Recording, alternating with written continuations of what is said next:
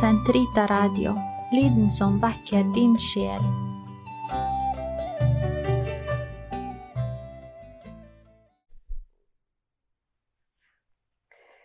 I Faderens og Sønnens og Den hellige ånds navn. Amen. Allmektige Gud, la glansen av din klarhet stråle over oss, og la lyset av ditt lys styrke deres hjerter som er gjenfødt av din nåde og opplyst av din hellige ånd. Ved Kristus vår Herre. Amen. Kjært barn har mange navn. Det er så mange titler og navn og bilder og symboler som brukes om Den hellige ånd. Mange flere enn for de to andre personene i treenigheten. Og dette sier oss noe om Åndens natur. Den er noe som unnslipper oss, en virkelighet vi ikke kan fange. Det gjør det også vanskelig å gi en utførlig, systematisk, kortfattet og klar presentasjon av Ånden. Man er nødt til å velge, og kan aldri gjøre seg noen illusjoner om at man kan si alt eller belyse alle aspekter. Gud er uansett alltid større.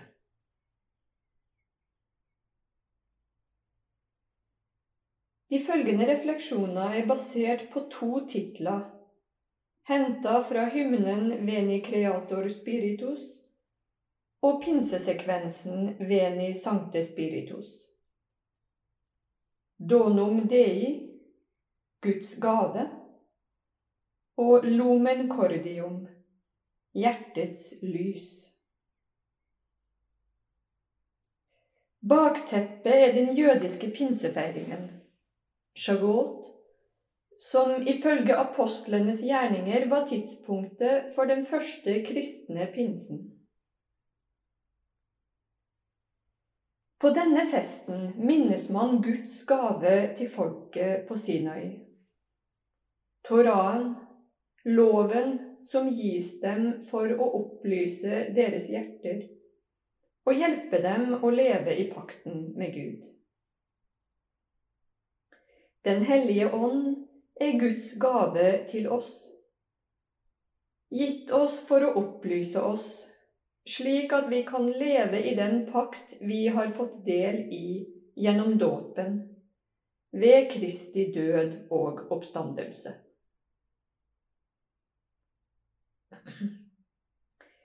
Guds gave.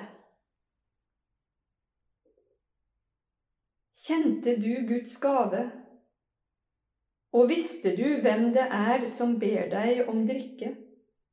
Da hadde du bedt ham, og han hadde gitt deg levende vann, står det i Johannesevangeliet, fjerde kapittel.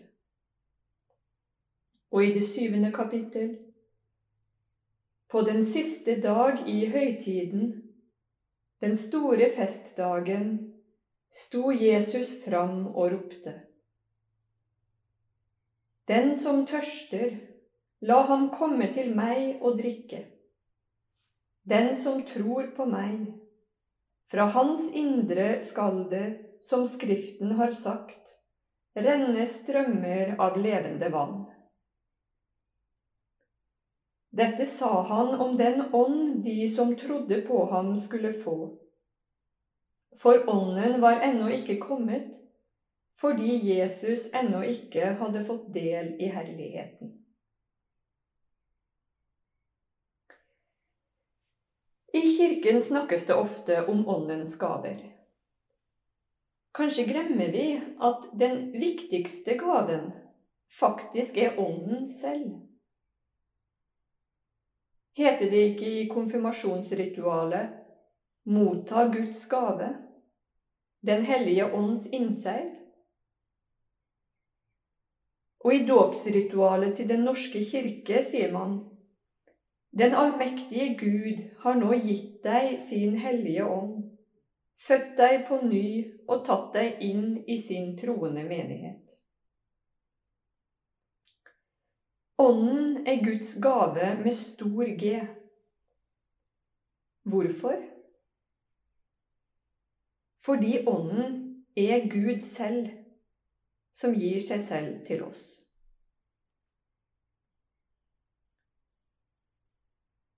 Den katolske kirkes katekisme minner oss om at Gud er kjærlighet. Og kjærligheten er den første gave som inneholder alle andre. Guds kjærlighet er blitt utgitt i våre hjerter ved Den hellige ånd som vi har mottatt. Gave er åndens egennavn sier Thomas Aquinos og refererer til Augustin. Med referanse til Gregor den store kaller han også ånden personifisert kjærlighet. Kjærligheten mellom Faderen og Sønnen. Og Jesus selv sier i Lukasevangeliet Er det vel en far blant dere som vil gi sin sønn en orm når han ber om en fisk? Eller gi ham en skorpion når han ber om et egg? Når selv dere som er onde, vet å gi barna deres gode gaver, hvor mye mer skal ikke da Faderen gi Den hellige ånd fra himmelen til dem som ber ham?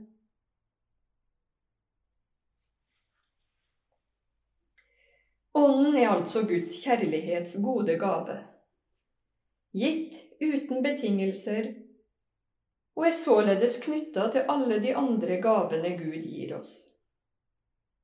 Vår eksistens, livet selv, nåden, frelsen, Guds nærvær i vårt liv, alle de naturlige evner og anlegg vi har, og de spesielle gaver vi er utrusta med for å bygge opp fellesskapet. Ånden gjør også oss til en gave. Sett oss i stand til å gi oss selv tilbake til Gud og gi oss hen til og for andre. Hver for oss og i fellesskap. Vi ser det uttrykt både i den tredje og den fjerde eukaristiske bønn, hvor det heter Måtte Den hellige ånd gjøre oss til en evig gave for deg. Og Herre, gi alle som får del i dette ene brød og denne ene kalk, og samles til ett legeme av Den hellige ånd så de kan fullkommengjøres som et levende offer i Kristus til din herlighetspris. Som Salme 1 sammenligner den som har sin lyst i Herrens lov og grunner på den dag og natt, med et tre plantet nær rinnende bekker, som bærer frukt i rette tid og ikke står der med vissent løv. Slik får også vi, når vi lar oss lede av Ånden, tilgang til det levende vann som Jesus vil gi, og får selv i vårt indre en kilde hvor dette vannet veller frem, for oss selv og for andre. Som det står hos profeten Jesaja, Jeg øser vann på den tørstende jord og lar bekker risle over det tørre. Min ånd vil jeg utøse over din ett, min velsignelse over din etterslekt. De skal vokse opp som siv mellom vann, som popler ved bekkefar.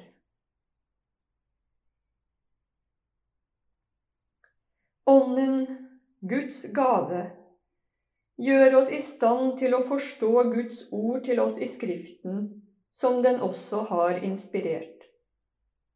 Den kaster lys over begivenheter, følelser, samtaler og møter, taler til oss i vårt indre og hjelper oss til å lytte og skjelne, slik at vi kan leve i harmoni med Guds vilje. Det vil si i pakt med vår dypeste lengsel.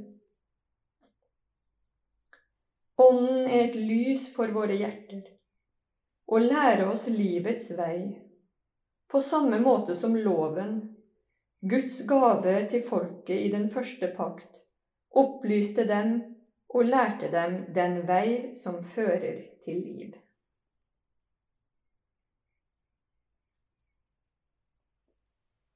Hjertets lys. Og håpet skuffer ikke.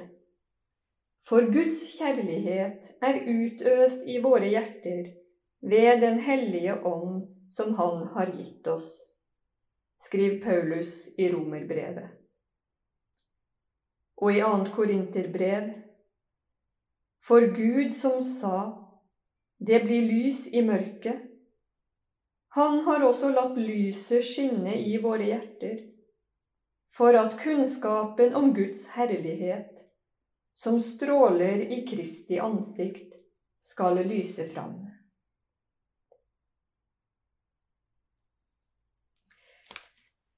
Hos Paulus er Ånden fremfor alt knytta til kjærlighet eller fellesskap. Hos Johannes derimot er den fremfor alt sannhetens ånd. Noe paradoksalt ettersom det er vanlig å tenke på Johannes som kjærlighetens apostel, mens Paulus ofte framstilles som den store moralisten. Dette reflekteres også i en noe ulik vektlegging i østlig og vestlig teologi og spiritualitet.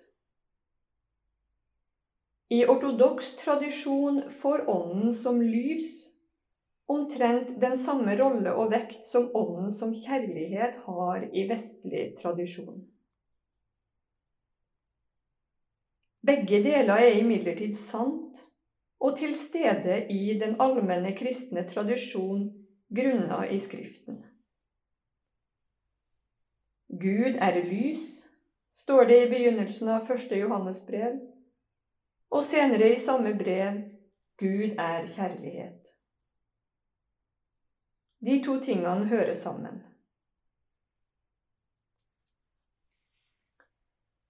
Denne forbindelsen mellom kjærlighet og lys eller opplysning finner gjenklang også i den dominikanske tradisjonen, slik vi ser den f.eks. hos Thomas Aquinas eller Katarina av Siena, hvor kjærlighet og kunnskap eller kjennskap, altså det å kjenne og det å elske, er tett knytta sammen. Ånden som Jesus sender oss fra Faderen, lærer oss å kjenne Gud og minner oss om alt Jesus sa til sine disipler mens han var på jorden. Og jeg vil be Faderen, og han skal gi dere en annen talsmann, som skal bli hos dere for alltid, sannhetens ånd. Han skal lære dere alt og minne dere om alt det jeg har sagt dere.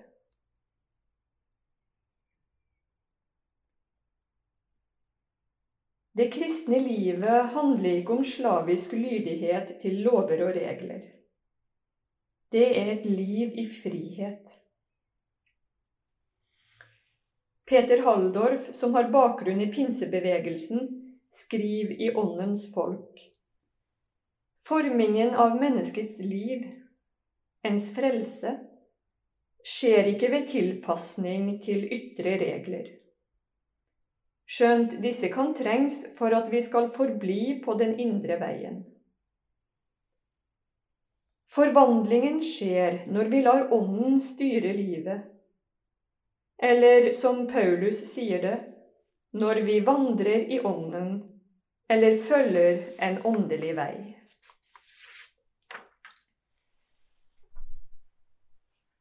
Ånden er den nye lov som vi har fått inne i oss, som er skrevet i våre hjerter. Det betyr ikke at vi gjør hva som helst, men at vi ved Ånden lærer å skjelne Guds vilje i hvert øyeblikk, og fritt velge å leve i pakt med den. Som det står i 2. Korinterbrev Herren er Ånden, og hvor Herrens ånd er, der er frihet.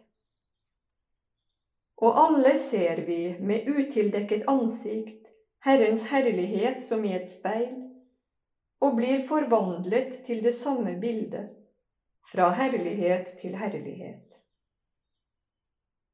Dette skjer ved Herrens ånd. Det er en vekstprosess hvor vi lærer å ta stilling til nye spørsmål etter hvert som de dukker opp.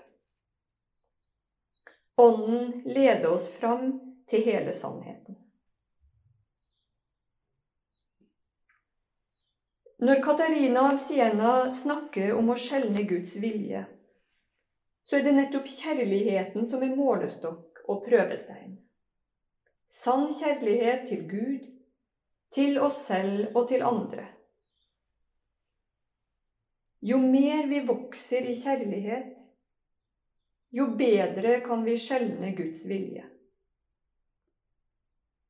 Ånden former oss etter Kristi bilde og gjør hver og en av oss til en alter Kristus, en annen Kristus. Som Jesus ble salva med Ånden, blir vi det også. En kristen, det er en Kristus, en Messias, en som er salvet. Og jo mer Ånden får forme og lede oss, jo mer vil vi tenke, føle og handle som Jesus, det vil si som Gud som er blitt sant menneske. Jo mer vil vi leve i sannhet og kjærlighet.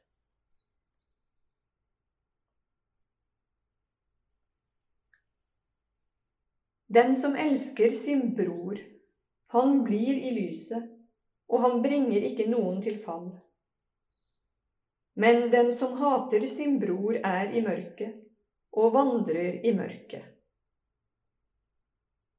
Han vet ikke hvor han går hen, for mørket har blindet hans øyne, skriver Johannes i sitt første brev. Man sier at kjærlighet gjør blind. Men ifølge Katarina er det det motsatte som er tilfellet. Det er sann kjærlighet, ikke å forveksle med sanseløs forelskelse eller besettelse, som gjør at vi kan se ting slik de er, og skjelne riktig. Den lutherske teologen Dietrich Bonhoeffer understreker det samme poenget når han skriver Denne kjærligheten åpner øynene på disippelen, slik at han ser sin bror i fienden og behandler ham som en bror. Hvorfor? Fordi han selv lever av kjærligheten fra ham som behandlet ham som en bror. Jesus godtok ham mens han ennå var en fiende, og trakk ham inn i fellesskapet som sin neste. Kjærligheten gjør etterfølgeren seende. Nå ser han at også fienden er omsluttet av Guds kjærlighet. Den hellige ånd er altså lys som gjør oss seende, som gjør at vi kan forstå ting bedre, som lærer oss å kjenne Guds kjærlighet. Men Ånden er også et lys i våre hjerter ved det at den er trøsteren. Guds kjærlighet som kommer til oss og trøster oss når ting ser mørkt ut. Ånden lærer oss å se også oss selv slik som Gud ser oss. Når Gud inngikk en pakt med Israel og ga dem loven, var det nettopp fordi han elsket dem. Han hadde ingen annen grunn. Ånden gir oss håp, et håp som ikke skuffer. For Guds kjærlighet er utøst i våre hjerter ved Den hellige ånd som Han har gitt oss. Ånden minner oss om alt det Jesus har sagt og gjort, om Hans store kjærlighet til oss, og om at seieren over mørket allerede er vunnet, selv om det ikke alltid virker sånn. Så kan vi kanskje parafrasere Salme 18, som lovpriser Herrens lov, og si Herrens ånd gir glede i hjertet og får øynene til å stråle. La oss be. Du guddoms ljos, lys i vårt sinn. Lei oss rett til Jesus Kristus inn, så vi alltid høyrer Han vår Frelsar kalle, Han som til sitt rike kjærleg bed oss alle.